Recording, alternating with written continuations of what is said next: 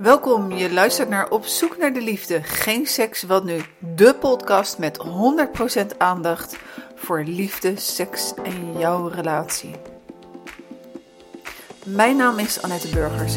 Ik ben relatietherapeute bij YouTube Coaching en stiefcoach bij Stiefgoed Den Haag West. Vandaag aflevering 11 van de serie Geen seks, wat nu? Waarin ik in gesprek ga met Eble Kluwer. Over liefde, seks en onder andere ook over de Japanse vorm van bondage, de shibari. Dit gaat over de knoper en de geknoopte en de geknoopte die het verlangen heeft om zich compleet over te geven. Loopt jouw relatie niet helemaal lekker? Of vinden jullie het samen erg lastig om het gesprek aan te gaan over jullie seksleven? Bedenk dan dat jullie seksleven niet verbetert als je er niet samen over praat. Vinden jullie de communicatie hierover ingewikkeld? Kijk dan op www.youtubecoaching.nl slash aanbod. Altijd met een online, gratis en geheel vrijblijvend kennismakingsgesprek vooraf. Ben jij geïnteresseerd in relaties, intimiteit en seksualiteit? Ja, natuurlijk, anders beluister je deze podcast niet.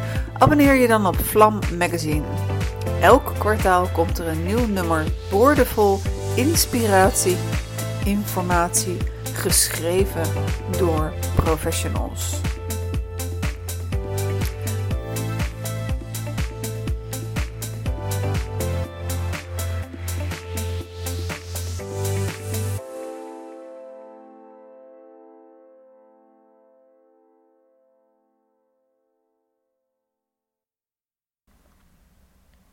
Hi, wat leuk dat je luistert en of dat je kijkt. Vandaag op zoek naar de liefde. Geen seks, wat nu?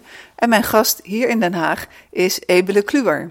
Ebele, van harte welkom in Den Haag. Hallo, leuk dat ik, uh, dat ik er mag zijn. Ja.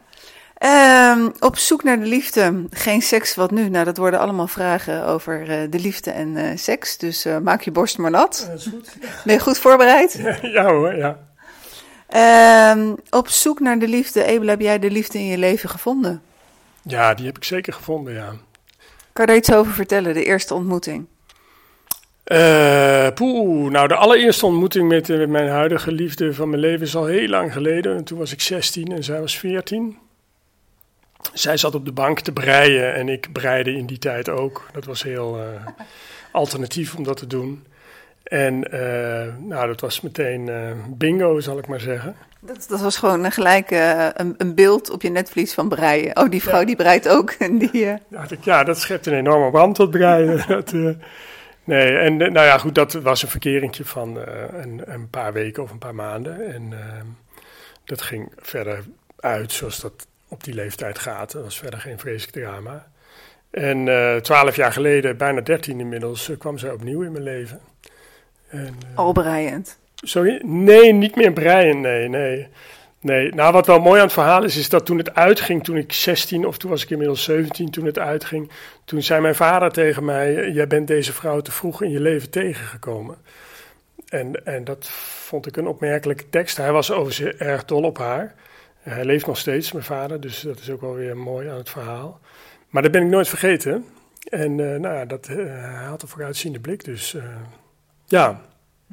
Maar hoe is hij weer opnieuw in jouw leven teruggekomen? Is dat wat je vaak hoort van nou, Facebook, uh, al die social media, je gaat, je, een, een vorige liefde is wat makkelijker bereikbaar, want je googelt even en, en, je, en je ontmoet iemand? Mm, nou, nee, zo is het niet precies gegaan. Uh, zij heeft uh, op een gegeven moment kreeg ze contact met mijn beste vriend. Uh, gewoon telefonisch, hè. Ze, ze belde hem uh, en toen uh, vertelde hij mij dat later van gewoon, nou weet je wie me nou toch belde. En, um, en, en ja, maar volgens mij belde ze eigenlijk niet voor mij, maar belde ze eigenlijk om eens te informeren hoe het nou eigenlijk met jou was. Um, en ik was in die tijd, dacht ik, gelukkig getrouwd. Dus ik zei tegen hem, nou luister, ja leuk, maar ik ga het leven niet onnodig ingewikkeld maken. Um, en een paar maanden daarna uh, zei mijn uh, inmiddels ex uh, dat ze bij me weg wilde. En toen heb ik regelmatig bij hem op de bank geslapen. En toen kwam dat verhaal natuurlijk weer naar boven. Ehm, dus toen zijn we wel eens eh, gaan, gaan googlen en gaan kijken van, goh, wie was ze ook alweer? En, ja, ho, ho, ho, wie was ze ook alweer? Dat wist je toch nog nee, wel? Dat wist je, nee, sowieso, dat bedoel ik niet. Nee, niet wie was ze, maar hè, wie is ze nu eigenlijk? Hè? Wie is ze geworden? Nee, ik was ze zeker niet vergeten. Um, nou, en van daaruit, uh, dus toen eenmaal duidelijk werd dat dat tussen mijn ex en mij echt uh, een, uh, een, verloren zaak was, heb ik eerst contact met haar gezocht. En ja, nou van daaruit is er weer iets nieuws ontstaan. En dan is het inderdaad waar dat het veel makkelijker is om met zo'n oude liefde de draad weer op te pakken. Omdat je gewoon een heel aantal stappen, die kan je overslaan. Hè? Dat weet je nog. Je weet nog wat het heel typerend vond ik, wat ook heel erg binnenkwam, was dat voor de eerste keer dat ik haar omhelsde, rook ik haar weer. En ze rook nog precies hetzelfde. En dat was, ja, dan gebeurt er iets in je brein, zeg maar. Dus, uh, dus dat is echt wel zo, ja. Ja, ja die, die geur, dat is ook wel heel erg belangrijk. Hè? En tegelijkertijd kan ik me voorstellen, ik heb ook wel zoiets ooit meegemaakt van het is uh, en een, een bepaalde vertrouwdheid die je voelt. En ook weer ongelooflijk spannend als er zoveel jaren tussen zitten. Ja, zeker, ja ja. Ja, het is inderdaad vertrouwdheid, ja. En, en ja, ook hele praktische dingen. Dat je, zij is vroeger bij mij thuis geweest, ik ben vroeger bij haar thuis. Ik kende haar ouders uh, al of nog. Hè, en die leven ook allebei nog. Dus ja, dat is dan, ja, het is allemaal veel makkelijker. Het is allemaal, uh, dus je kan echt wel een aantal stappen overslaan. En dat was voor mij in die tijd ook heel cruciaal, zeg maar. Want ik was aan de andere kant, ik was ook net gescheiden dus ik was ook aan het rouwen en ik had verdriet over dat mislukte gezin, zeg maar. Dus uh, ja, als het dan zo in de schoot geworpen wordt, dan uh, ja. Ja, dan gaan die gevoelens alle kanten op. En, en van de rouw en, en van de verliefdheid. En uh, ja. dat zal best een ingewikkelde periode geweest zijn. Dat was wel een ingewikkelde periode, ja. ja dat was wel echt een, een wilde, wilde achtbaan, ja. Welke les heb jij meegenomen vanuit je eerste huwelijk? Echt dat je denkt van, nou, die liefdeslessen, die relatie. Uh, ja, uiteindelijk we, zijn we uit elkaar gegaan. Uh, wat ga ik nou echt anders doen? Heb je tijd gehad om, om, om dat te laten bezinken en voor jezelf uh, iets mee te kunnen? Nou, niet tussen het ene en het andere huwelijk, of tussen de ene en andere relatie, maar, maar ik ben met mijn huidige vrouw wel ja, aan een soort onderzoek begonnen. Um, en daar is dat natuurlijk wel uitgebreid uh, aan de orde geweest. Ja, wat, wat is er nou eigenlijk? Welke mechanismen waren er nou in dat, in de, in dat vorige huwelijk die, die uiteindelijk niet werkten? Um, en een van de belangrijkste mechanismen voor, voor die relatie was denk ik wel uh, het mechanisme van de pleaser. Van mij uitgezien. Uh, en dat is een heel uh, geniepig mechanisme, wat, wat heel makkelijk uh, zich nestelt in je relatie en ook wel makkelijk zonder dat je het uh, eigenlijk in de gaten hebt. Dus ik ben daar later ook nog wel eens een paar keer tegen aangelopen, maar inmiddels is hij herkenbaar geworden en, en, snap ik ook beter hoe het werkt en wat het doet en waarom het zo ondermijnend is voor een relatie. Dus, Oké, vertel, waarom, je snapt het beter, hoe, hoe werkt het? Uh, nou, uh, hoe het werkt is dat de, de, de, het, het, mechanisme van de pleaser is dat je je gedrag aanpast uh, om de ander ter wille te zijn of om de ander te pleasen.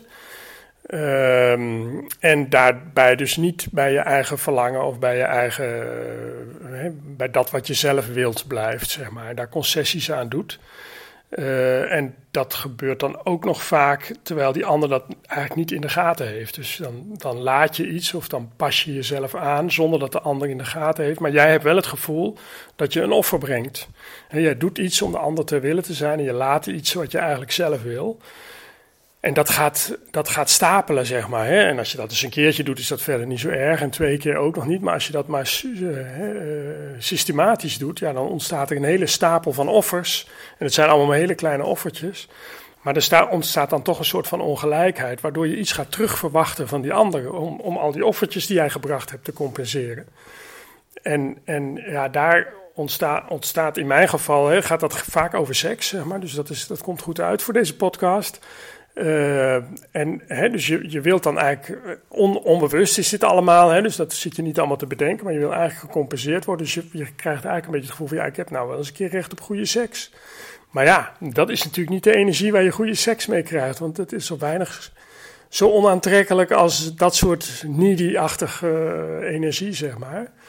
Ja, dus dat, dat werkt. Dat, hè, dat, gaat gewoon, dat gaat gewoon echt mis. Nou ja, wat er dan vervolgens gebeurt is dat je verongelijkt wordt. Want je, je hebt het idee, ja, ik heb al heel veel ingeleverd en heel veel gedaan en heel veel offers gebracht eh, om jou te willen te zijn, maar ik krijg niks terug. Ja, dan, hè, als je dat maar lang genoeg volhoudt, dan gaat het wel kapot, zeg maar. Dus, uh, dus dat is in korte lijnen wel, uh, zeg maar, het, het pleasen gedrag. En, en ik zei al van ja, hij komt ze nu en dan ook wel weer terug, zeg maar. Of dan, dan heeft hij zich toch weer, ben je er toch weer ingetrapt, zo voelt het een beetje. Daar heb ik wel een leuk voorbeeld uh, uh, van. Want op een gegeven moment zat ik aan de keukentafel, s ochtends op mijn telefoontje zat ik wat te lezen. Mijn vrouw die komt beneden, mijn huidige vrouw die komt beneden en die zegt, is er geen krant. We hebben, in het weekend hebben wij de, de papieren krant. En ik ben altijd eerder wakker, dus meestal haal ik die uit de bus. Dus zij komt naar beneden, en dat had ik nog niet gedaan. En zij komt naar beneden en zegt: Is er geen krant? En ik geef haar geen antwoord, maar ik sta op om naar de voordeur of naar buiten te lopen. Uh, om de krant uit de brievenbus te pakken. En halverwege denk ik: van ja, maar wacht eens even, wat ben ik nou eigenlijk aan het doen? Zij komt beneden en ze vraagt: Is er geen krant? En het antwoord op die vraag is, nou hij is er wel, maar hij ligt nog in de brievenbus. En het antwoord is niet van, ik zal hem even voor je gaan halen. Dus ik ben omgekeerd. En ik heb de krant niet gepakt. Ik had ook niet tegen haar gezegd, ik ga de krant... Ik ben, ik ben weer verder gegaan met wat ik aan het doen was. En toen dacht ik, ja, dat is eigenlijk raar dat ik dat doe, zeg maar. Hè? Dat ik ongevraagd alles laat vallen wat ik aan het doen ben om voor haar. Dus op zich niks mis mee, maar het is wel een gek mechanisme. Dus toen ben ik er eens op gaan letten of ik dat vaker deed. Nou ja, dat bleek dus inderdaad het geval te zijn. Dat ik best vaak van dat soort hele kleine dingetjes, hè, dus mijn eigen ding op de tweede plek zetten. En toen weet je wat, ik ga daar eens mee stoppen. Maar dat heb ik niet tegen haar gezegd. Dus ik hou er gewoon eens mee op. En um, uh, drie weken later, uh, toen vroeg ik aan haar, ik zeg, toen kwam het ter sprake. En toen vroeg ik, heb je wat gemerkt? Nou, ze zei, ik heb eigenlijk niks gemerkt. Terwijl er echt wel dingen bij zaten waarvan ik dacht, ja, dit moet haar opvallen. Nou, zei ze, er is één dingetje wat ik heb gemerkt. En, want ze had een paar schoenen besteld online en die pasten niet en die moesten retour. En ze was zo'n pontificaal met die doos binnengekomen. Ja, deze, moet, deze moeten we terugsturen. Nou, normaal gesproken zou ik dat doen, maar goed, er is geen enkele reden waarom ik dat... Ik, bedoel, ik wil dat best voor haar doen, dus dat had ik niet gedaan en dat was haar opgevallen. En die, dozen, die schoenen die stonden dus inderdaad ook nog steeds uh, te wachten omdat er iets mee ging gebeuren. Toen keek ik op de doos en het merk van de schoenen was Pleaser. nou, toevalliger kan niet. Nee, dus dat. Nou goed, maar dus dat is een heel. Um, ja, het is een heel geniepig mechanisme eigenlijk. Maar als je nou vraagt, ja, wat is nou een van de belangrijkste dingen die je uit je eerste huwelijk hebt geleerd? Dan is het wel dat. Dat, uh, dat, ik, dat ik veel beter moet luisteren naar mijn eigen, wat ik zelf wil en mijn eigen verlangen. En dat ook moet, moet uitspreken. En dat wil niet zeggen dat dat ook altijd maar moet gebeuren. Maar dat het wel helder is van ja, wat, uh, wat, wat ik wil, zeg maar. Je behoefte uitspreken. Ik hoor, je, ik hoor ook een stukje uh, wat je zegt en wat in deze wel heel belangrijk is, is inderdaad de verwachting. Ik, ik ben ervan overtuigd wel dat als je dingen in je relatie op het gebied van de liefde. Vanuit liefde en vertrouwen geeft, omdat je het wil geven, mm-hmm. dat het altijd helemaal oké okay is. Als ja. jij uh, die schoenen, uh, ondanks van dat merk, wel uh, weg wil brengen vanuit liefde, zonder die verwachting, ja. Ja. dan is dat goed en dan vermenigvuldigt zich eigenlijk de liefde ook. Op het moment dat er een controlegedrag of een frustratie onder zit, dan stagneert het in, in, je, in je eigen ontwikkeling, in je eigen groei en dus ook in je relatie. Nou ja, en die verwachting wat je zegt. Hè? Dus op het moment dat er eigenlijk hè, dat je iets doet omdat je eigenlijk denkt van nou, als ik nou iets aardigs doe, dan krijg ik ook iets aardigs terug. Ja, dat is hè, dat past helemaal bij de pleaser. En dat is, ja, dat is werkt contraproductief uh, uiteindelijk. Hè? Dus maar vanuit liefde en en, en overtuiging iets doen voor een ander, daar is niks mis mee binnen een relatie natuurlijk. Hè. Sterker nog, dat is, uh, ja, dat is heel mooi. Dat is heel fijn, ja. Hoe, hoe zou jouw vrouw jou voorstellen? Dit is Ewele en... Poeh. Denk maar even na. In ieder geval een leuke vraag als je vandaag thuis komt. Van, uh, hey, hoe zou jij mij eigenlijk voorstellen? Aan iemand anders, ja. Goh, ja, daar moet ik even over nadenken, ja. Dat... Uh... Nou, komen we zo op terug. Je bent er niet vanaf, maar komen we zo op terug. Kan je tegelijkertijd even doordenken. Ebele, jij, uh, je komt uit het bedrijfsleven en uh, je hebt uh, in mijn woorden alles uit je handen laten vallen. En je bent een, een, coachpraktijk begonnen waarin seks ook van belang is. Ehm, wat deed je en waarom heb je dat uit je handen laten vallen? Waarom ben je een andere koers gaan varen? Ehm, ja, nou, uit je handen laten vallen. Um, uh, ik, was, ik, ik ben op mijn 28e een bedrijf begonnen, een, een, eh, mediabedrijf in de, voor, de, voor de bouw. Uh, dus vakinformatie voor de bouw. En het bedrijf bestaat nog steeds, heb ik ook nog steeds. Ik ben nog steeds eigenaar van het bedrijf. En ik merkte na, nou pak een beetje 25, 26 jaar, merkte ik dat ik er gewoon echt geen energie meer van kreeg. En dat ik ook de energie van andere mensen binnen het bedrijf, van jonge nieuwe medewerkers, eigenlijk niet kon, uh, niet kon stimuleren, zeg maar. Dan kwamen die met plannen bij mij van, nou, ik wil dit en dit gaan doen. En dan, ja, dan ik, dacht ik alleen van, ja, dat hebben we al eens een keer geprobeerd en dat werkt niet, weet je, dat soort gedachten. Nou, toen dacht ik, dit is niet goed. Uh, niet voor mij uh, is het niet goed, hè, want ik ging ook niet meer met plezier naar het bedrijf toe. En ook voor het bedrijf is het niet goed. En daar heb ik wel een tijdje over nagedacht, want je denkt, ja, als ik een eigen bedrijf heb, is mijn bedrijf, dus ja, ik, kan niet, uh, ik kan niet ontslag nemen. En na een tijdje viel bij mij het kwartje en denk ik, nou, waarom eigenlijk niet, zeg maar. Ik kan gewoon eruit stappen.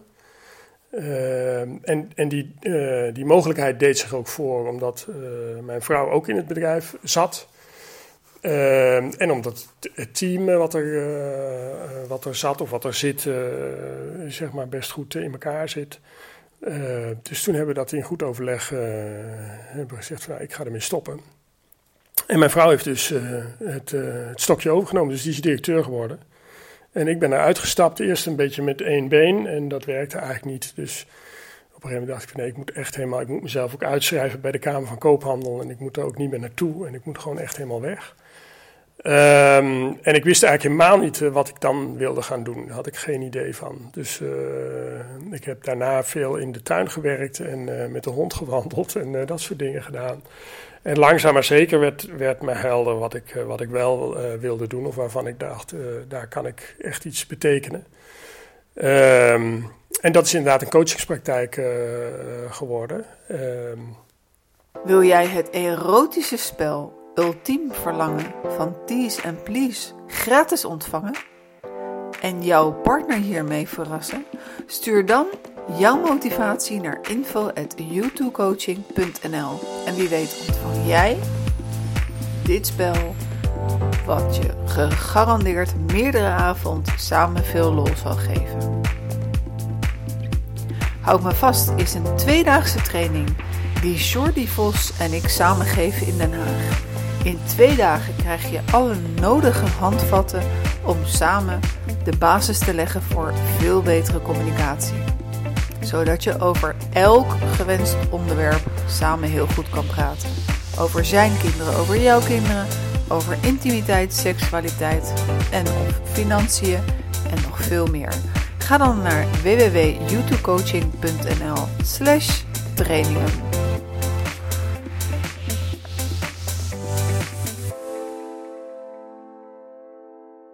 En uh, nou ja, dat, dat ben ik nu aan het doen. En dan een coachingspraktijk. En wat is jouw ideale doelgroep?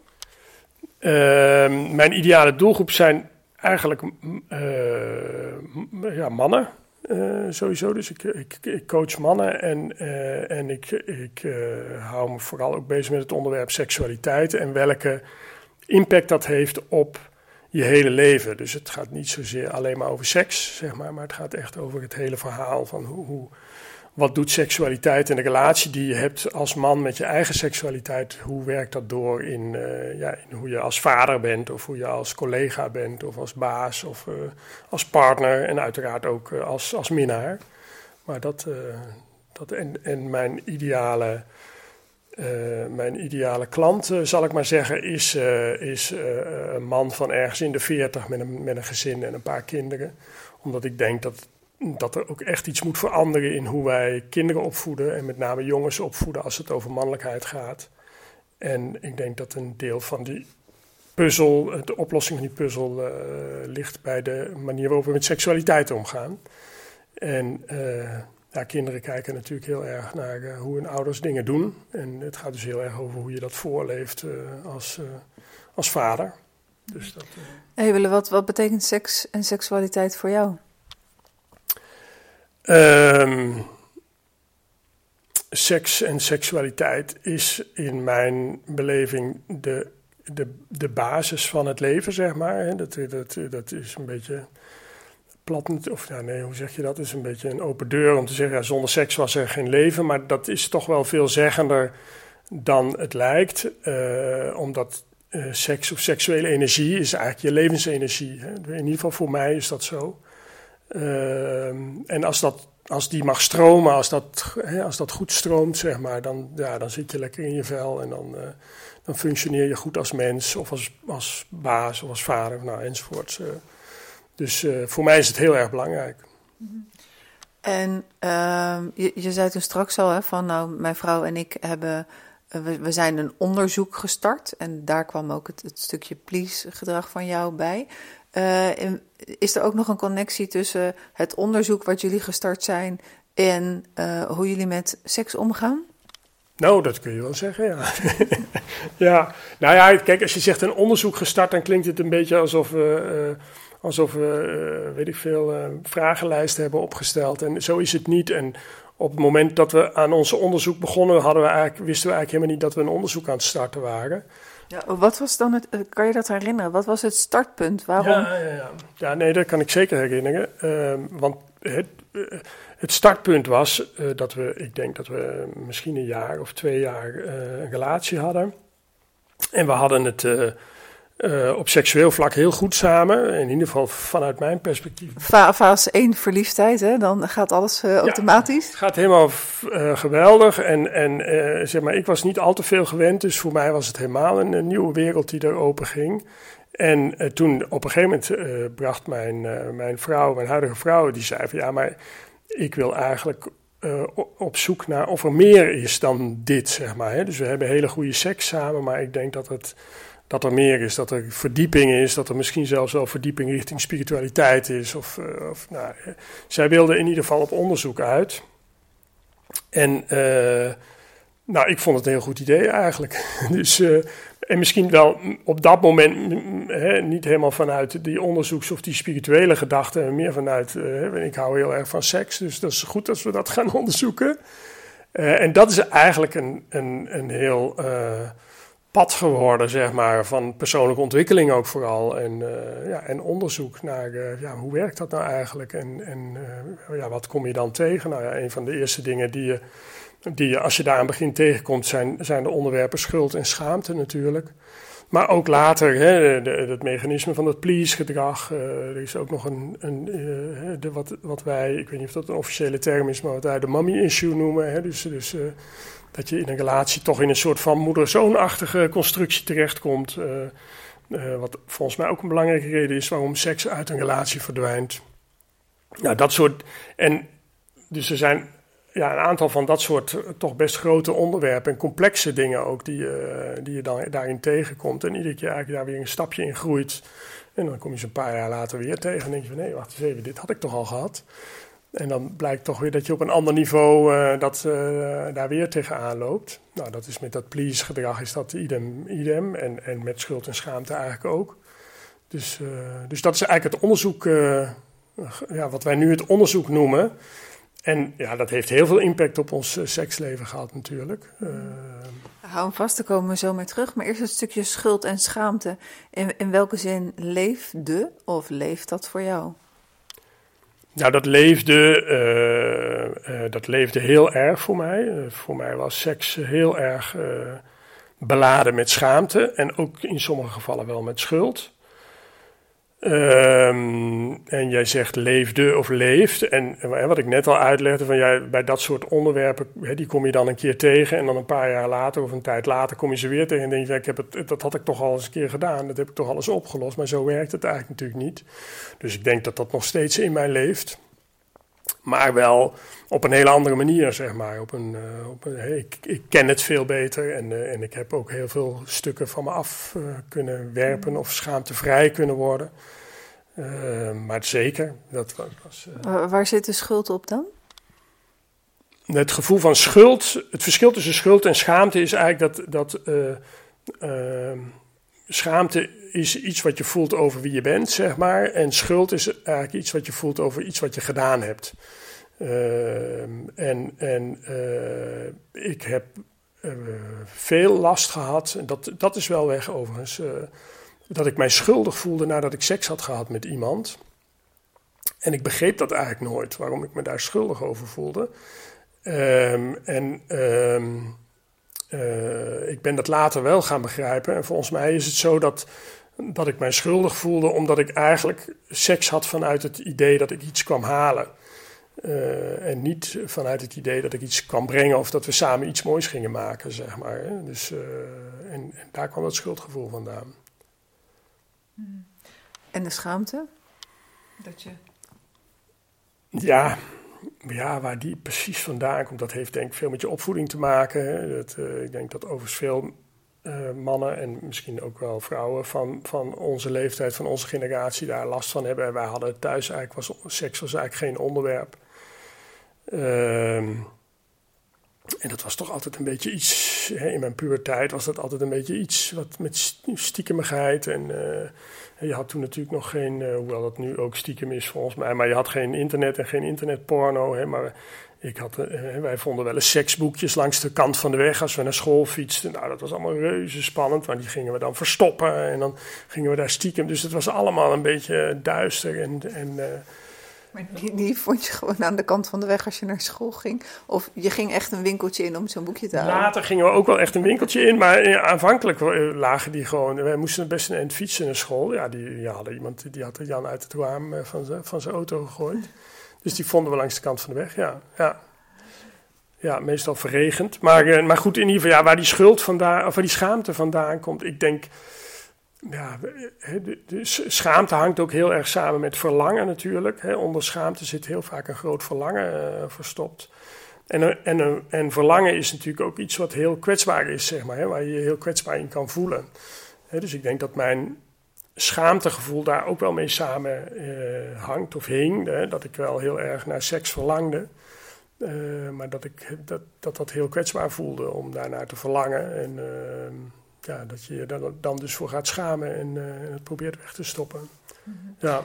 Je zei eerder, zei je net van ehm, dat, dat thuis er, er niet over gesproken werd. Hè? En daarvoor zei je van seks en hoe daarmee om te gaan. Dat is ook heel erg van belang voor de jeugd om het voor te leven.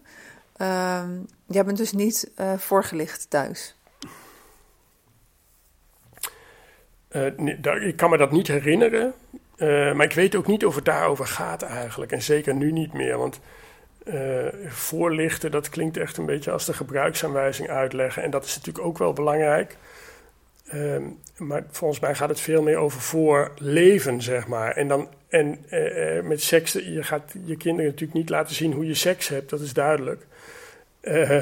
Maar wel, ja, ik denk dat kinderen dat oppikken, hoe, hoe, hoe, dat in, hoe dat in de relatie van de ouders werkt, zeg maar. Hoe ze met elkaar omgaan. Of, die, kinderen pikken, ik bedoel, als je goede seks hebt gehad, dan voel je je geweldig.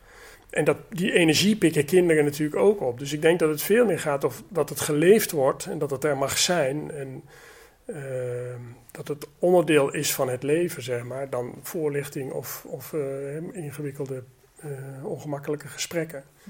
Nou, in, mijn, in mijn praktijk is het ook zo dat uh, ik vraag altijd naar, naar ouders. Uh, en wat, wat mijn cliënten dan gezien hebben van, van aanrakingen, van intimiteit, van, van de liefde. of er omhelzingen waren, of er geknuffeld werd. Ehm, nu zijn mijn cliënten, nou ja, ze zijn heel jong, van, van, van 20 tot, tot 60 zo'n beetje. Uh, maar vanaf een bepaalde generatie kan je eigenlijk wel zeggen van, mm, nou haast niet. Nou, dat is eigenlijk, in mijn geval is dat eigenlijk niet zo. Hè? Dus die dingen die jij noemt, hè, van aanraken en geknuffeld en liefde en dat soort dingen. Mijn ouders leven allebei nog. Ze zijn ook nog, ze zijn inmiddels 60 jaar getrouwd. En hebben, eh, denk ik, een redelijk gelukkig uh, huwelijk uh, gehad. Hè? Ook met ups en downs en, en, momenten dat je dacht: ja, is dit nou wel eens een goed idee? Maar al met al denk ik dat ze heel blij zijn dat ze met elkaar getrouwd zijn geweest en, en dat nog steeds zijn. Dus die warmte en dat knuffelen en, en die, die vorm van intimiteit, die was er eigenlijk wel. Ehm, dus of het dat nou is, dat, dat weet ik niet. Maar ik vind het lastig. Ik merk wel met mijn eigen kinderen. Eh, ik heb natuurlijk een samengesteld gezin met, met uh, in totaal vijf kinderen, drie van mezelf en twee van, mijn, van mijn vrouw. Dat het, dat het onderwerp, maar dat heeft misschien ook wel een beetje met, ons, met onze levenswandel te maken. dat, het, dat dat heel makkelijk ter sprake komt. En dat ze, ze hebben nu allemaal de leeftijd dat ze aan relaties beginnen. En dat het dus ook actueel begint te worden. En dat ze ook echt met vragen komen ook, uh, ja, ook op, op, het gebied van relaties, maar ook op het gebied van seksualiteit. En dat dat eigenlijk niet ongemakkelijk of beladen is, uh, zeg maar. Maar hoe dat nou komt dat ze dat doen en dat ik dat vroeger echt niet deed, dat geen idee.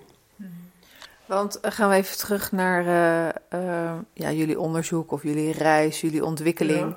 Jullie zijn dus ergens begonnen van oké, zullen we hier ons in verdiepen? Zullen we kijken naar waar we komen. Ehm, wat er bij mij dan als eerste opkomt: van oké, je gaat uh, samen op je laptop zitten, je gaat bij internet en, je zoekt naar Tantra. Is het zo? Maar dat hele woord kenden we nog niet toen we aan het onderzoek begonnen. Dus, uh, dat, dat, dus we hadden geen idee waar we moesten beginnen. en dat is ook best wel lastig, want als je natuurlijk op het gebied van seksualiteit en en, en uh, ja, toch een wat meer inhoudelijk geïnteresseerde manier uh, wil gaan zoeken naar seksualiteit, dan, ja, dan moet je eerst wel een, een weg banen door allerlei porno en, en uh, ja, aanbod waar je niet op zit te wachten, of waar wij in ieder geval niet op zaten te wachten. Uh, dus waarmee wij begonnen zijn eigenlijk was, dus mijn vrouw die had dat tegen mij gezegd en niet lang daarna zat er een sekscoach bij het programma Spuiten en Slikken, Cora, en uh, misschien ken je er wel, ik weet niet, maar goed, een leuk, leuk mens. Ja, ik geloof dat ik er wel ook eens heb voorbij zien komen. Okay, ja. Nou ja, die had ik voorbij zien komen en, en uh, dus die heb ik uh, gebeld en gezegd van, kunnen we een keer langskomen? Dus dat, dat hebben we gedaan. Dat, en van haar hoorde ik voor het eerst, hoorden we voor het eerst het woord tantra. En toen werd de zoektocht wel iets makkelijker. Maar ook dan, ja, alles is tegenwoordig tantra. Dus dan nog steeds moet je zoeken naar dat wat bij jou past, zeg maar. Maar dat is bij mijn weten ook wel een van de weinige uh, uh, filosofieën of stromingen die op die manier naar seksualiteit kijken. Ik heb nog geen andere ontdekt. Mhm. En uiteindelijk, hè, jullie, jullie zijn begonnen bij Cora. Uh, welke reis, welke ontwikkeling hebben jullie hierin gemaakt? En wat brengt jou dat, want je zei ook van je persoonlijke ontwikkeling. En wat brengt jou dat uiteindelijk in, in, je persoonlijkheid. Maar eerst het stukje van: oké, waar jullie zijn begonnen bij Cora. Waar sta je nu en wat heb je onderweg uh, aangetikt of beleefd? Of wat, wat hebben jullie gedaan? Uh, ja, nou van alles en nog wat. Ook, ook dingen waarvan je denkt van ja, dit was dus niet wat we wilden. En, uh, dus we zijn, ja, we zijn inderdaad bij Cora begonnen. Toen zijn, we, toen zijn we verder gaan zoeken inderdaad op internet. En zijn we uh, in de tantra-wereld uh, op onderzoek gegaan en zijn bij verschillende mensen en, en, en scholen, zo je wilt, op, op cursus geweest. dus massage en communicatie, heel belangrijk natuurlijk. Ehm, maar ook de wat explicietere kant, zeg maar. Dus echt seksuele workshops waar je ook echt dingen oefent, zeg maar. Om op een andere manier seks met elkaar te hebben. Ehm, dus ja, we hebben denk ik wel een beetje het hele palet uh, doorlopen. Er zijn altijd nog wel dingen waarvan we denken, nou dat zouden we ook nog wel eens willen doen. Maar uh, dat, ja, dus, dus we zijn uiteindelijk, we zijn vrij voorzichtig aan begonnen met, met uh, want het is überhaupt, de, eerste keer dat we naar Cora gingen was, sowieso al heel erg spannend om mij wildvreemd iemand aan te bellen. En daar te leren hoe je een piemel moet aanraken of hoe je een vagina moet aanraken. Dat is, nou, dat was wel in ieder geval buiten mijn comfortzone en ook van, uh, van, uh, van mijn vrouw.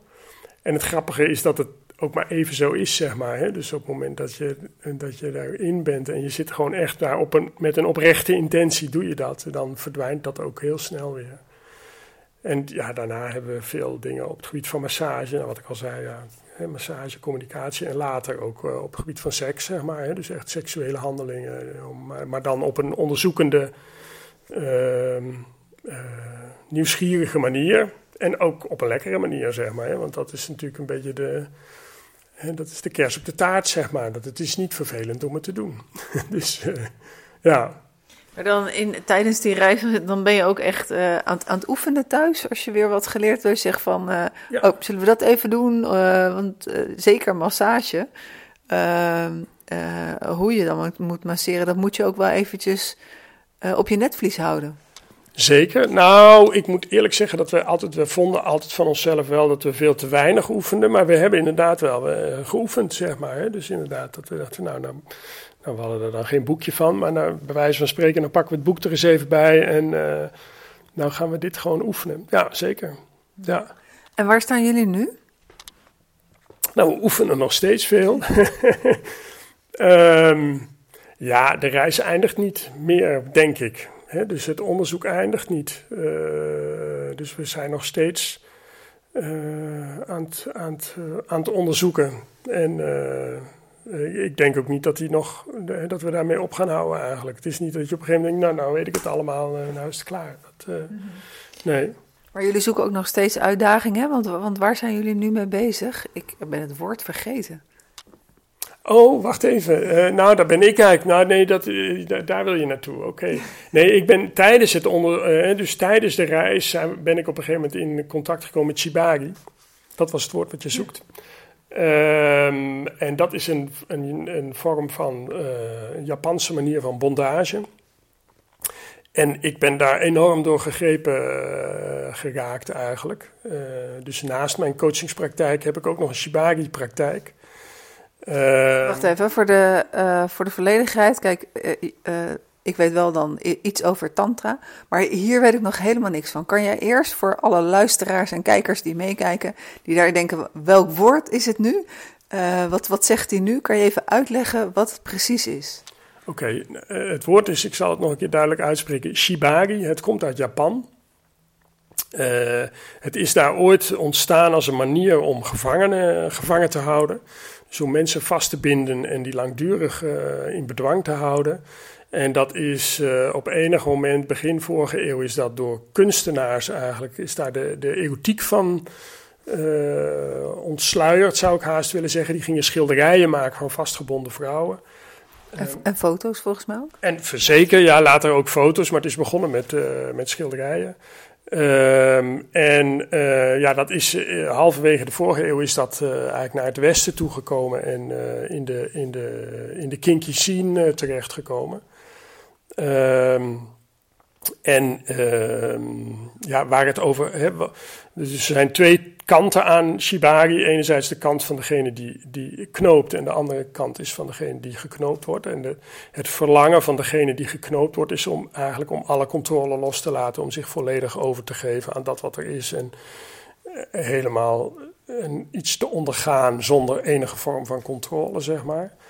Um, en aan de andere kant is er degene die knoopt, uh, en dat ben ik dan in meestal uh, in mijn geval. Um, uh, ja, die is volledig aanwezig, met zijn, volledig met zijn aandacht bij degene die, die geknoopt wordt. En, en ja, met het geven van die ervaring, zeg maar. Dus dat is, dat is, ik weet niet of ik nou iets vergeten ben. Maar het gaat dus heel erg over aandacht, over focus, over vertrouwen. En over overgave, dat is eigenlijk de essentie. Uh. Mm-hmm. Kan jij in woorden weergeven hoe zoiets er dan uitziet, zodat ik het als een filmpje kan gaan zien? Dus stel, um, hoe, hoe begint zoiets? Uh, wordt er, uh, ik kan me voorstellen met, heb ik helemaal geen bewegingsvrijheid meer? Zijn het alleen mijn handen en mijn benen die vastgeknoopt worden? Uh, gaat er iets over mijn gezicht heen? Of is dat per uh, behoefte of per verlangen uh, per persoon verschillend? hoe, hoe start zoiets? Ehm, ja, nou, als ik een sessie doe, die, die begint. Ik heb, oh, dat filmpje dat heb ik, zeg maar. Dat, dus dat kan je, als je het wil zien, kan je dat op mijn website kan je dat, vinden of op Vimeo. Um, uh, ik begin altijd met een gesprek, zeg maar. Dus het gaat heel erg over vertrouwen. En het is heel belangrijk dat ik precies weet wat het verlangen van degene is die ik ga knopen. En ook precies weet wat het zijn meestal vrouwen, maar knopen ook wel mannen. Maar uh, wat, wat, wat haar verlangen is, zeg maar, wat haar grenzen zijn.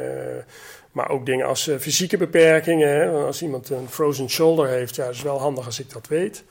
Ehm, dus het, dus die, die eerste fase is een gesprek. Dat, hè, daar besteden we best wat tijd aan. En um, dus de, dan voor, komt de fase van het vastknopen. Uh, ja, dat, we beginnen eerst, ik ga eerst contact maken, fysiek contact maken natuurlijk. En en het touw laten voelen. En, en, dus ik begin meestal met iets wat single rope heet, of Ichinawa op zijn Japans. waarbij je eigenlijk de hele tijd met één touw aan het spelen bent. En dat. aan, sorry. Ja, geef niet. De, de, vasthoudende bellen komt er altijd door. Um, je begint met dat, e-, met dat, je begint met dat ene touw? Ja, dus je begint met, met uh, single rope en, en, en dan, uh, ja, dan op een gegeven moment ga je over in het echt helemaal vastknopen van iemand. En dat kan op allerlei verschillende manieren. Je kan iemand uh, vastmaken aan een, aan een punt aan het plafond of niet. Hè. Je kan op de grond, dus er zijn allerlei verschillen.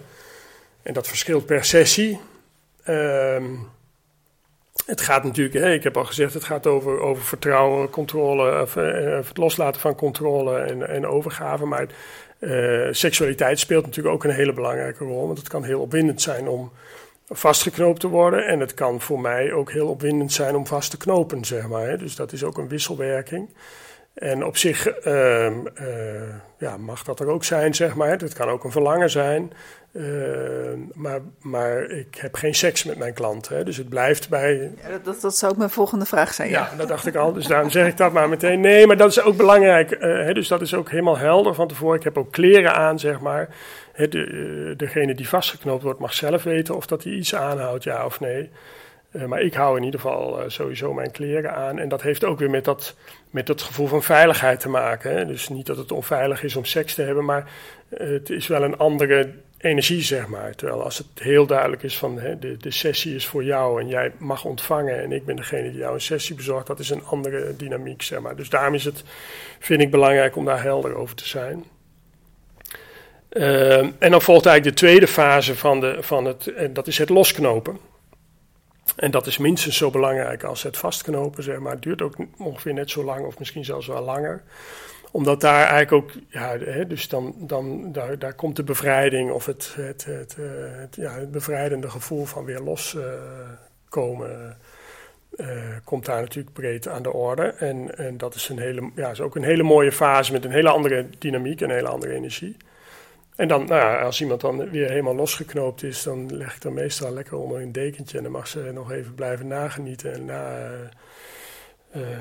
zweven, zeg maar. En, uh, en dan hebben we nog een nagesprek. Dus dat is eigenlijk wat er, wat er gebeurt. En als je nu kijkt uh, naar je cliënten, is het waar, waar is er een bepaald soort categorie van, van mensen die naar iets op zoek zijn? Of um, hoe, hoe, kan, je, kan je daar iets over zeggen zonder uh, privacygevoelige dingen te zeggen? Maar ja. uh, zijn het bijvoorbeeld, de meeste vrouwen zijn tussen de 30 en de 40 zijn, en die zijn erg op zoek of die zijn. Nee, ik, dat kan ik eigenlijk heel moeilijk zeggen. De, de, nou, de jongste vrouw die ik geknoopt heb, dat weet ik eigenlijk niet. Maar hè, ze, ze kunnen ja, in de twintig zijn. De oudste vrouw was geloof ik 76. Die, uh, die had het nog op de bucketlist staan. Die had dat op de bucketlist staan, ja. Ja, dat was wel heel bijzonder hoor. Uh, dus dat is heel divers eigenlijk. Nee, het enige, uh, de enige overeenkomst is dat het vrouwen zijn die heel erg verlangen om eindelijk eens alle controle los te laten. Om gewoon helemaal zich over te geven. Hele, volledig in overgave te gaan. En ik denk dat dat een heel diep gevoeld verlangen van heel veel mensen is. En, en, en uh, ja, die touwen die kunnen daar enorm bij helpen, zeg maar. Die, uh, die, die kunnen je verder brengen dan. Hè, je kan natuurlijk, als je je wil overgeven, kun je zeggen: Nou, we gaan een weekendje naar, uh, naar, een, uh, naar een hotel en waar we heerlijk gaan eten en waar een wellness center. Dat is, dat is het ook. Hè, dat, maar dit is wel. Hè, dit is wel weer een paar stappen verder. Dus een andere overeenkomst is misschien wel dat, ze, dat het vrouwen of, en ook mannen trouwens, hè, dus, maar mensen zijn die, die dat durven, zeg maar. Hè, want het is ook heel spannend om het te doen. Mhm. En dat, dat hoort er ook een beetje bij, dat het spannend is natuurlijk. Maar uh, uh, ja, je moet het maar wel doen, zeg maar. Je moet maar wel naar uh, wildvreemd iemand gaan en zeggen... nou, je mag mij even vastknopen. Ja, dat is niet... dat durft natuurlijk niet iedereen. Nee. En ehm, jij bent ook wel eens geknoopt, neem ik aan? Ja, ja, ja, ja zeker. Ja. en, maar jij, voelt je wel bij, beter als het een, een persoonlijke setting is of een privé setting... Ben jij dan ook degene die knoopt? Of kan je dan, um, kan je dan ook, heb je dan ook de behoefte om je, om je op die wijze over te geven dat je ook de andere rol hebt? Die is er ook wel, maar die is minder. Ik ben meestal degene die knoopt, zeg maar. Hè. Dus er zit ook een soort van. Een, een, een, een, dominante en een onderdanige rol zit er natuurlijk in. en ik voel me in die dominante rol, voel ik me meer Ehm, die, die, vind ik uitdagender eigenlijk, zeg maar. Hè. Dus dat, dat vind, ik, vind ik interessanter dan de. En ik vind het soms heerlijk om, om, die, om, die, om ook in die overgave te gaan en die controle los te laten. Maar dat is meer voor de afwisseling dan, dan dat dat nou het is waar ik naar op zoek ben. Ja. Mm. ja. En uh, zie je voor jezelf hier nog een, een ontwikkeling in? Zijn er nog dingen op dit gebied waarvan je zegt van, nou, dat hebben we nog niet gedaan. Daar, daar wil ik me ook nog in verdiepen. Je bedoelt eigenlijk weer even terug naar het onderzoek wat ik met mijn vrouw aan het doen ben, of specifiek op het gebied van Shibari. Ja, op het gebied van Shibari. Zijn er. Ja, natuurlijk. Ja, je kan, hè, dus, dus uh, zeg maar, je kan, je kan met Shibari uh, iemand vastknopen, maar je kan ook mensen ophangen, zeg maar. Hè. Suspension heet dat. Daar ben ik wel mee bezig, maar dat, dat ben ik echt nog aan het leren. En dat is ook wel heel bijzonder en spannend om te doen. Maar, uh, dus daar wil ik me nog wel verder in ontwikkelen. Dus uh, dat lijkt me wel mooi. Ja. Dus is er ook een Shibari school?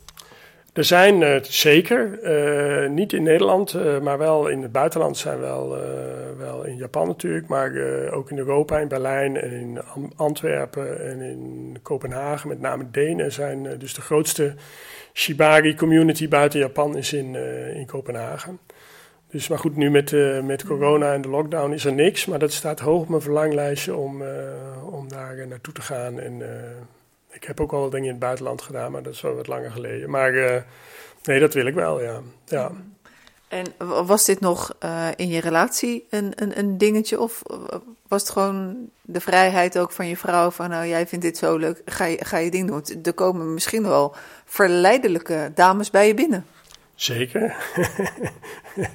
Um, nee, we hebben het samen ontdekt eigenlijk. Hè. Dus zij vindt het heerlijk om vastgeknoopt te worden. We doen dat eigenlijk, wij samen doen dat eigenlijk veel te weinig. Um, ja, dat is het verhaal wat uh, mijn partner altijd zegt van bij de loodgieter thuis. Hè? Precies, ja. ja. Nou ja, ja oké. Okay. Um, maar nee, uh, nou ja, we hebben daar natuurlijk wel gesprekken over. En, en uh, ja uh, nee, dat is eigenlijk geen. Eh, daar is, daar is, zij heeft, mijn vrouw heeft daar geen obstakels op geworpen. En, en ze, ze, ze ziet dat ook met vertrouwen. En uh, nou, dus da, da, dat is geen ding. Nee. Oké, okay. uh, we gaan een beetje terug naar, naar de man en de seksualiteit van de man. De man denkt de hele dag aan seks. Dat is zo'n beetje wat je altijd hoort. Ja, nou, of dat waar is, weet ik niet. Maar ehm, ik denk mannen denken heel veel aan seks, maar ze denken niet zoveel over seks. Dat is eigenlijk uh, hoe ik er een beetje tegenaan kijk. Dus, uh, dus mannen zijn veel in hun hoofd bezig met seks. Uh, maar we hebben natuurlijk als mannen wel ehm, geleerd dat, dat naar binnen kijken en, en gevoelens en intimiteit en dat soort dingen, dat dat allemaal griezelig en eng is. Dus daar zijn we vaak niet zo goed in, zeg maar. Dus uh, dat, dat is eigenlijk wat het verschil van denken aan seks en denken over seks. Ehm, en dat is eigenlijk ook wel ja, wat, ik, wat ik graag zou willen veranderen, zeg maar. Dus dat mannen daar, uh, dat ze meer over seks gaan denken. Of dat ze het makkelijker gaan vinden om daarover te denken. En met name ook om daarover te praten. Uh, want daar schuilt wel een hoop onvrede en verdriet, zeg maar, denk ik. Mhm. Ja, dat is ook wat, wat ik merk. Dat in ieder geval in de praktijk het gesprek tussen partners heel lastig is. Daar zit natuurlijk ook uh, schaamte en schuld op. Plus het stukje de angst om je partner te kwetsen. Het valt niet mee om te zeggen van, nou, dat doe je toch eigenlijk helemaal niet goed. Nee, nee, Daar word ik niet opgewonden van. Gauw, mannen zijn heel gauw gekwetst natuurlijk. Hè? Als, ze, als het zeg maar, feedback gaat over hun, hun, seksuele vaardigheden, zeg maar, dan is dat, dat is heel moeilijk. En praten met je partner over seks is ook ingewikkeld, omdat je partner eigenlijk altijd onderdeel van het probleem is, zeg maar. Dus je kan niet een. Dus, dus daarom is het soms fijn om over seks te praten met iemand die geen onderdeel van het probleem is. Want ja, dan kan je het gewoon veel makkelijker analyseren en er, en, en, en er op verschillende manieren naar kijken. Omdat er niet meteen een verwijt of een, iets terugkomt, zeg maar. Dus uh, ja, dat herken ik wel. Ja.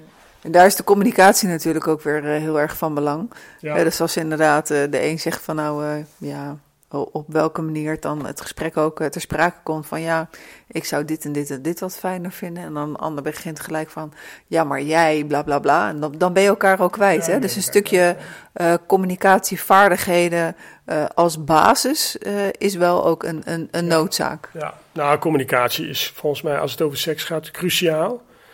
En heel ingewikkeld, omdat het zo dichtbij komt eigenlijk. En dat is ook precies de reden waarom het, waarom het, het onderzoek wat wij doen zo interessant is. Omdat eh, seks komt zo dichtbij, dat je kan je niet verstoppen, zeg maar. Er is geen, maar goed, uh, maar die, die communicatie, ja, dat is, dat is super belangrijk. En een van de meest waardevolle dingen die ik daarin geleerd heb, is eigenlijk. Um, je kan natuurlijk heel makkelijk zeggen, ja, communicatie is belangrijk. Is een techniek uh, die heet inquiry.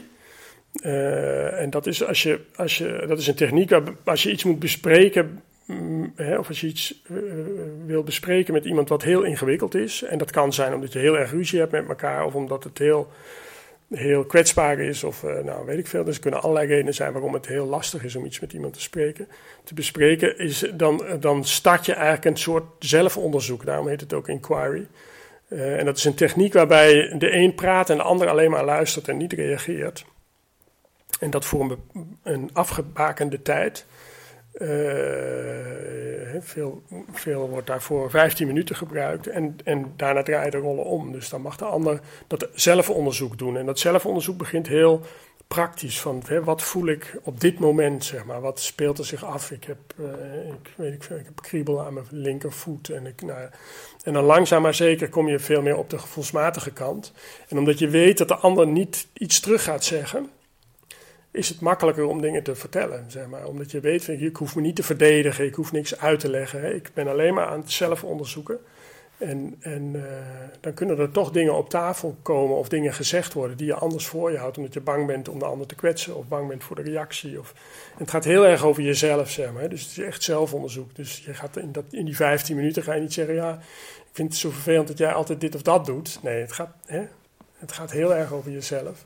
En dat is echt een hele eenvoudige en hele waardevolle techniek uh, die wij uh, nou, niet vaak gebruiken, maar als het echt ingewikkeld wordt, dan, uh, dan is die echt heel, heel helpend. Zou je een, een voorbeeld kunnen geven van een, van een vraag? Ehm, Op dit nou, moment voor je? Het gaat niet zozeer over een vraag eigenlijk, hè, maar het gaat meer. Uh,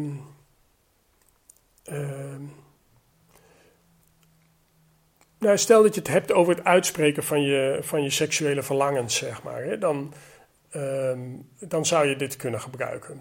Dus dan, en dan, dan begin je niet meteen met opzommen, maar dan begin je gewoon heel erg vanuit jezelf en van wat, wat leeft er nu op dit moment terwijl wij hier zitten. Je zit tegenover elkaar, je kijkt elkaar aan. En van daaruit ga je gewoon op onderzoek, zeg maar, in jezelf. En je spreekt dat hardop uit. dus dat zou een voorbeeld kunnen zijn. En, en, of als je heel erg ruzie hebt en je kan eigenlijk het gesprek niet meer met elkaar voeren. En dan kan je hem ook inzetten om, uh, om gewoon te onderzoeken, ja, wat voel ik nu op dit moment? Wat speelt er zich in mij af? En dat, dat hardop uitspreken. Ja, ik, ik dacht, we, we doen hem even als je nou een vraag hebt. Dus. Ja, ja, nee, ja. Ik... maar uh, dat is dan ook wel uh, ineens, uh, ja, als ik aan jou vraag van, oké, okay, wat, wat, wat voel je nu tijdens dit gesprek?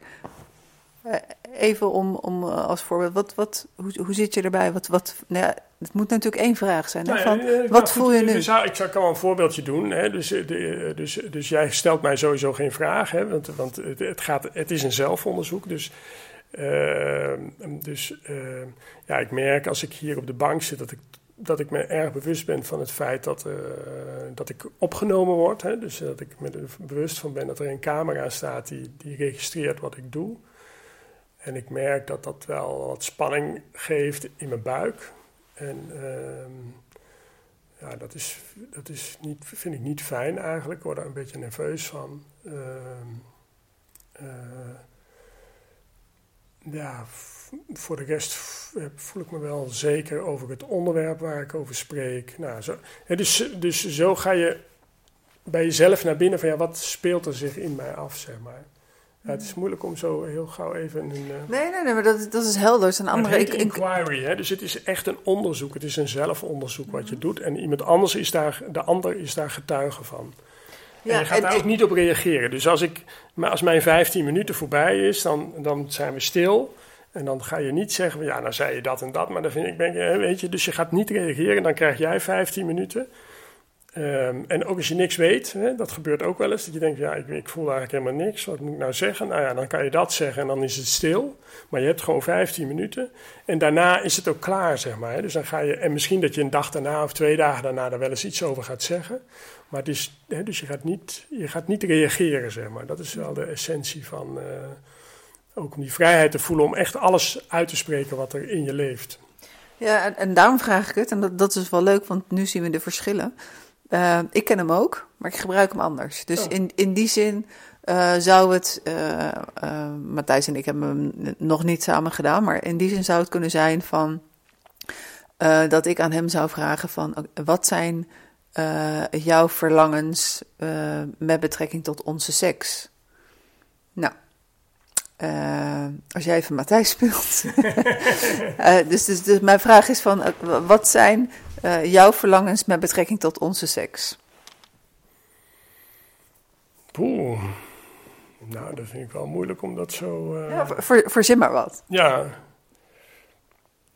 Uh, ja, ik zou heel graag een keer buiten in de natuur, in de zon, uh, seks willen hebben. Dat lijkt me heel, heel bijzonder. Zeg maar, onder de blote hemel, overdag. Ja. Dankjewel. Wat zijn jouw verlangens met betrekking tot onze seks? Oh, jij herhaalt de vraag. Uh, uh, ja, ik, ik zou ook nog wel eens graag willen meedoen aan een orgie. dat, uh, ja, dat, dat, zou ik ook nog wel willen. Dankjewel. Wat zijn we toen nou ophouden? Maar... ja, nee, nee, nee. Maar dat, dat is dus een, een andere invulling. Een andere, een andere, invulling. Dan heb je echt een hele concrete vraag. Uh, ja. dus uh, het, het, komt eigenlijk op hetzelfde, uh, op hetzelfde neer. Want als jij mij 7,5 minuut vind ik ook al super lang om zoiets 7,5 minuut te doen uh, maar 15 minuten dezelfde vraag stelt, dan kom ik ook wel steeds dieper in, in, me, in mezelf terecht. Uh, en, en de ander mag niks zeggen. Uh, je wordt alleen wel even geholpen door die vraag. Maar goed, hij kan op twee manieren. Nou, daar ligt, dus de, wat, wat ik uitlegde, daar ligt natuurlijk ook een vraag onder. Hè, maar je spreekt hem alleen niet uit. Maar, dus ja. Hmm. Oké, de inquiry. Uh, ik zou zeggen, ga, maar, ga maar over. googelen en dan vind je ook uh, allerlei handleidingen en dat soort dingen. Hoor. Dus dat is echt wel, het is wel een bekende, een bekende techniek, zeg maar. Gaan we terug naar de mannen? Oh ja. uh, de mannen en, en, en seks. Ik zie trouwens, je hebt wel hele leuke laarzen aan. de, de mannen en seks. kan je zonder namen te noemen, maar kan je aangeven van oké, okay, de meest voorkomende vraag van, van mannen op dit moment, als ze in mijn praktijk komen, is? Ja, dat kan ik wel. Er zijn eigenlijk twee, uh, uh, als je het wil indelen, zijn er eigenlijk twee soorten mannen die bij mij komen. Eén zijn mannen die eigenlijk zeg maar, niet goed weten wat ze met hun mannelijkheid moeten, hoe ze daar invulling aan moeten geven en hoe dat, ja, wat ze daarmee willen. Hè. Het zijn vaak mannen die zichzelf te, te, te zachtaardig of te, te meegaan, te pleaserig vinden. En, en, en, maar aan de andere kant ook niet weten hoe ze dan wel op een gezonde manier invulling kunnen geven aan, uh, aan, hun, uh, aan hun mannelijke identiteit. Uh, en de andere zijn mannen die in, meestal in een wat langdurige relatie zitten en op zich heel veel van hun vrouw houden, maar waarbij seks eigenlijk verdwenen of nagenoeg verdwenen is. En ze eigenlijk ook niet weten hoe ze daar de gesprek niet kunnen voeren en ook niet weten hoe ze de veranderingen kunnen brengen en dat wel willen. Hè? Dus het wel heel belangrijk vinden dat het verandert. Oké, nou dat is perfect de vraag. Geen seks, wat nu? Ja. Uh, hoe ga je daarmee aan de slag?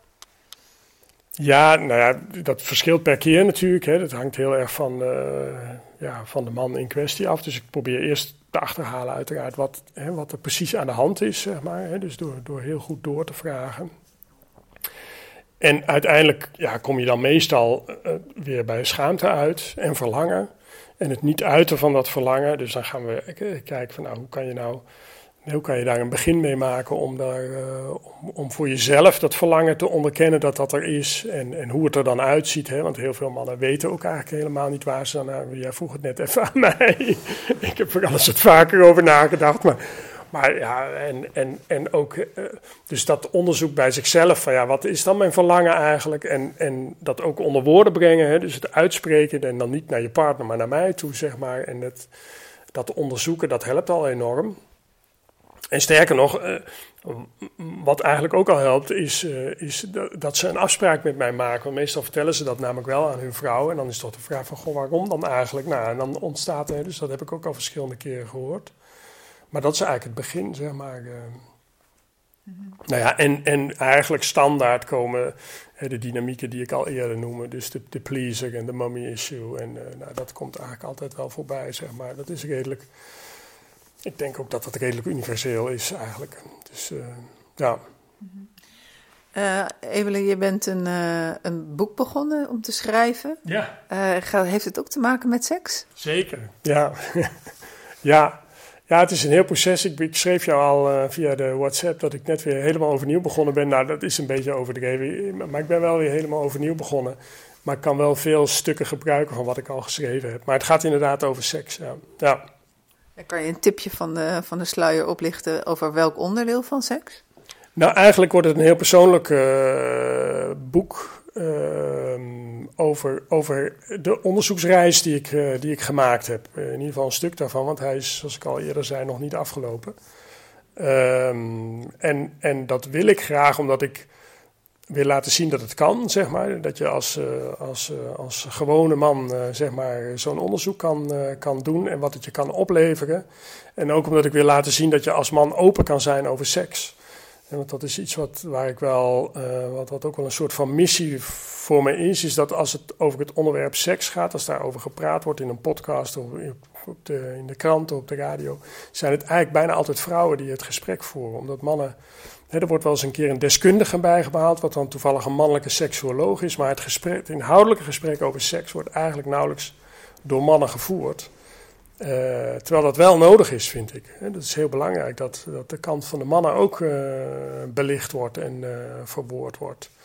Dus, dus toen ik bedacht had, van, nou, misschien moet ik het eens gaan opschrijven, toen was het eigenlijk onontkoombaar dat het een heel open persoonlijk verslag zou worden. Om, om dat te laten zien, ja, dat kan. Dat, dus zo. Zitten er dan ook foto's bij, zeg maar, van, van de bondage of al dat soort dingen? Oeh, nou, daar heb ik nog niet over nagedacht of er foto's in komen. Maar ik, ik schrijf wel over ook dat stukje van de ontdekkingsreis. Uh, uh, ja, ja, maar over foto's, mm, ja, misschien op de cover een mooie foto. ik weet het niet, ja. Heb je de, de titel al? Volgens mij hebben we de vorige keer ook wel even over gesproken. Wel, welke titel heb je? Nou, dat wisselt een beetje de, de, de de titel uh, uh, waar ik nu, de titel die ik hem nu geef is Levenslust. Uh, maar er was iemand die zei, ja, maar dat, dat lijkt het ook een beetje alsof het een, een, uh, een boek is voor uh, oude vandaag. en dat is eigenlijk niet het idee. Dus, dus het verandert nog een beetje. Maar dat, dat is wat ik nu, hoe, hoe ik het nu, als, hoe het mapje nu heet op mijn computer. Levenslust. Maar eigenlijk gaat het bij jou over, over de levensenergie. Ja. en over het belang daarvan voor man en vrouw. Maar jouw missie is dan om mannen te laten ervaren. omdat het dagelijks ook in, in, in je werk ja, je hele leven eigenlijk. Hè. Je merkt op alle terreinen, dat, of ik heb persoonlijk ondervonden dat als, hè, op het moment dat, dat ik dat mijn relatie met mijn eigen seksualiteit uh, beter werd en opener en vrijer werd, dat ik, dat ik uh, op alle vlakken beter en opener en vrijer werd, zeg maar, tot aan de supermarkt in de, de rij bij de kassa aan toe. En dat, ja, dat, en ik denk dat dat voor veel mannen zo werkt. En misschien ook voor vrouwen, dat kan. Maar... Als ik hem dan omdraai, uh, en als ik jou vraag van geen seks, wat nu? Stel, je hebt twee weken lang geen seks. Wat doet dat dan met je humeur en, en met hoe je in je vel zit? Ehm, nou, twee weken, dat, dat, dat, dat gebeurt niet zo vaak trouwens. Maar uh, uh, dat merk ik eigenlijk niet echt. Het is, ja, merk dat. Het is meer omgekeerd, zeg maar. Hè? Dus dat je, dat je merkt dat je, als je wel goede seks hebt, uh, ja, dat je gewoon lichter loopt en vrolijker bent en je lekkerder voelt. En het moment dat dat er niet is, dan ben je dat dus kennelijk niet. Maar dan ben je niet zo. Het is niet zo dat ik me dan zo bewust heb van nou, ik moet weer seks hebben, want het is, ik voel me zo somber. Oh, nee, ik heb die verhalen wel eens gehoord. En ik heb ook wel van dat, ja, dat het voor mannen, wat dat betreft ook gewoon is, er moet iets uit. Nou, daar zijn de meningen wel heel erg over verdeeld, uh, volgens mij. Ik denk juist dat, er, dat, dat het misschien moet er iets uit, dat weet ik niet. Ik denk dat het voor mannen enorm helpt als je, als je daar wat minder op gefocust bent uh, als het over seks gaat. Dat de seks daar een stuk leuker van wordt. En dat er zo nodig iets uit moet. Uh, dus dus uh, als ik seks heb, dan, dan, uh, want dan heb je het over klaarkomen, zeg maar, over, over ejaculeren, dan, dan uh, gebeurt dat heel vaak niet, zeg maar. Dat gebeurt vaker niet dan wel.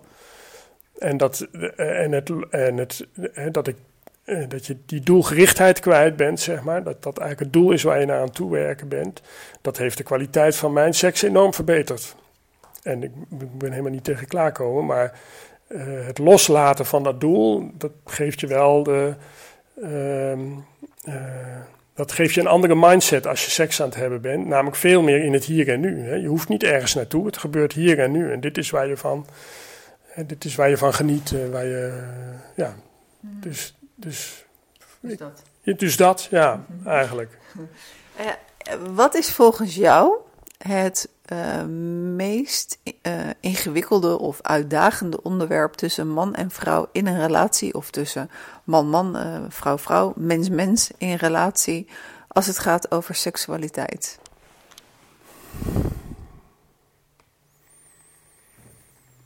Um, wat is het meest ingewikkelde? Of uitdagende? Het meest uitdagende.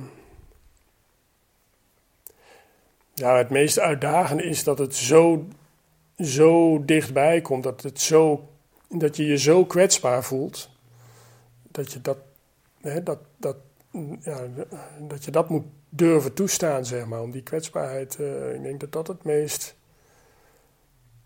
uitdagende is uiteindelijk? Ik denk zelf uh, dat het heeft er wel mee te maken, maar dat het um, uh, een, een, onderwerp wat heel lastig te bespreken is tussen partners. Zeker ook als uh, de, seksu de, seksuele omgang bij een van de twee ontevreden is, hè, of dat hij meer wensen heeft dan de ander. Is ook het stukje masturbatie. Uh, gebeurt dat wel in een relatie? Gebeurt dat niet? Praten ze daarover, mm. uh, het koppel, ja of nee? Omdat het heel vaak ervaren wordt dat als een van de twee wel masturbeert, dat de ander zich ook afgewezen voelt. Ja, dat kan. Ehm, ik denk dat dat ook heel vaak, zeker als het over mannen gaat, want die houden erg van masturberen. Uh, vrouwen misschien ook, maar... Uh... Ja, ik wil net zeggen, ik, ik, ken daar geen statistieken over, maar volgens mij uh, ligt er tegenwoordig wel bij, ja, bij veel vrouwen een dildo in de... Ja, dat zou kunnen, dat weet ik niet, maar... Nee, maar, maar ik denk dat het vaak samenhangt ook met pornogebruik. Ehm, en ja, zeg maar, wat natuurlijk interessant is om hè, op het moment dat iemand zich afgewezen voelt, om, dan kan je natuurlijk de, hè, de reactie hebben van oké, dan, dan moet ik dat maar niet meer doen, want het is niet fijn als de ander zich afgewezen voelt. Uh, terwijl volgens mij de reactie zou moeten zijn van nou laten we eens onderzoeken waarom jij je daardoor afgewezen voelt. Uh, en, en, en dat gebeurt met heel veel dingen die over seksualiteit gaan. Hè. Als iemand jaloers is of uh, gekwetst door, door een bepaald gedrag, dan is de eerste reactie van nou, dan, dan stop ik daarmee. Hè. Dan, uh, en terwijl de reactie zou eigenlijk moeten zijn van laten we eens kijken waar, hoe het komt dat je jaloers bent of je gekwetst voelt of afgewezen in dit geval. Dus, maar of, ja. Mm-hmm. Ik denk zelf ook dat dit stukje op zich weer uh, een, een heel mooi onderwerp is uh, naar, of om daarin verder te gaan. Om zeker als het te maken heeft van geen seks, we hebben samen te weinig seks. gaat het ook wel om het stukje aanwakkeren van je eigen vlam, van je plezier in, in seks.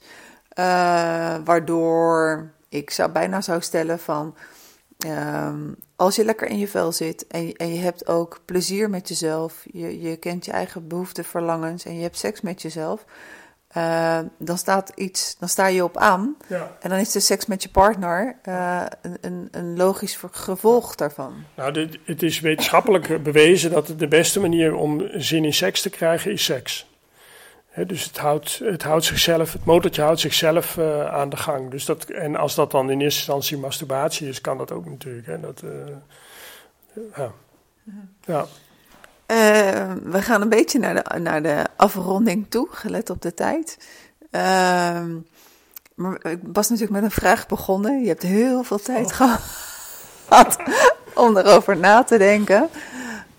als ik jouw vrouw zou ontmoeten, en ze zou het hebben over jou. Wat zou ze dan zeggen over wat een soort man je bent in de relatie? Of als vader? En, uh, en? Dan zou ze denk ik zeggen dat ik een, een uh, aantrekkelijke, aanwezige man ben die uh, goed is in bed. Ehm, en die, die echt een levenspartner voor haar is. Een, een, een ja, een, een, een eh, nou, misschien wel een rots in de branding, zoiets. Mhm. Ja. En, en zou ze ook vinden dat jij nog iets, iets te ontwikkelen of iets, iets te leren zou hebben? nou, iets, ja, zeker, ja. Ja, gelukkig wel hoor. Maar uh, nee, tuurlijk. Ik heb, eh, wat dat betreft heb ik een vrouw als vele anderen. Die moet altijd iets anders of iets beter. Maar uh, ja, ik. ik uh, ze vindt dat ik wel eens heel onbenullig uit de. Uh, dat ik domme dingen op de verkeerde momenten kan zeggen. Of dat ik niet genoeg invoel hoe zij uh, erin zit. Of ehm, dat ik te veel aan mezelf denk. Of, dus dat. Er zijn genoeg dingen die, die nog veranderd en verbeterd kunnen worden. Ja. Ja. Gelukkig maar. En niemand is perfect, toch? Nee, precies. Nou ja, dat is eigenlijk. Hè, dus, dus ik zei al van het onderzoek houdt nooit op. Uh, volgens mij is dat eigenlijk ook de essentie. Dat je, hè, je, je, zolang je jezelf kan blijven ontwikkelen en nieuwe dingen kan ontdekken en kan uh, veranderen, dan, uh, ja, ben je, dan leef je, zeg maar. Hè. Dus ja. Mooi. Emile, welke vraag heb ik je nog niet gesteld, maar zou je toch nog graag antwoord op willen geven? Poeh. Ehm, nou ja, de heel flauw natuurlijk wat het adres van mijn website is, maar dat schrijf je er maar bij. Ehm, nou, dat ik ook lesgeef in Shibari. Dus ik organiseer workshops voor mensen die dat zelf willen leren in kleine groepjes.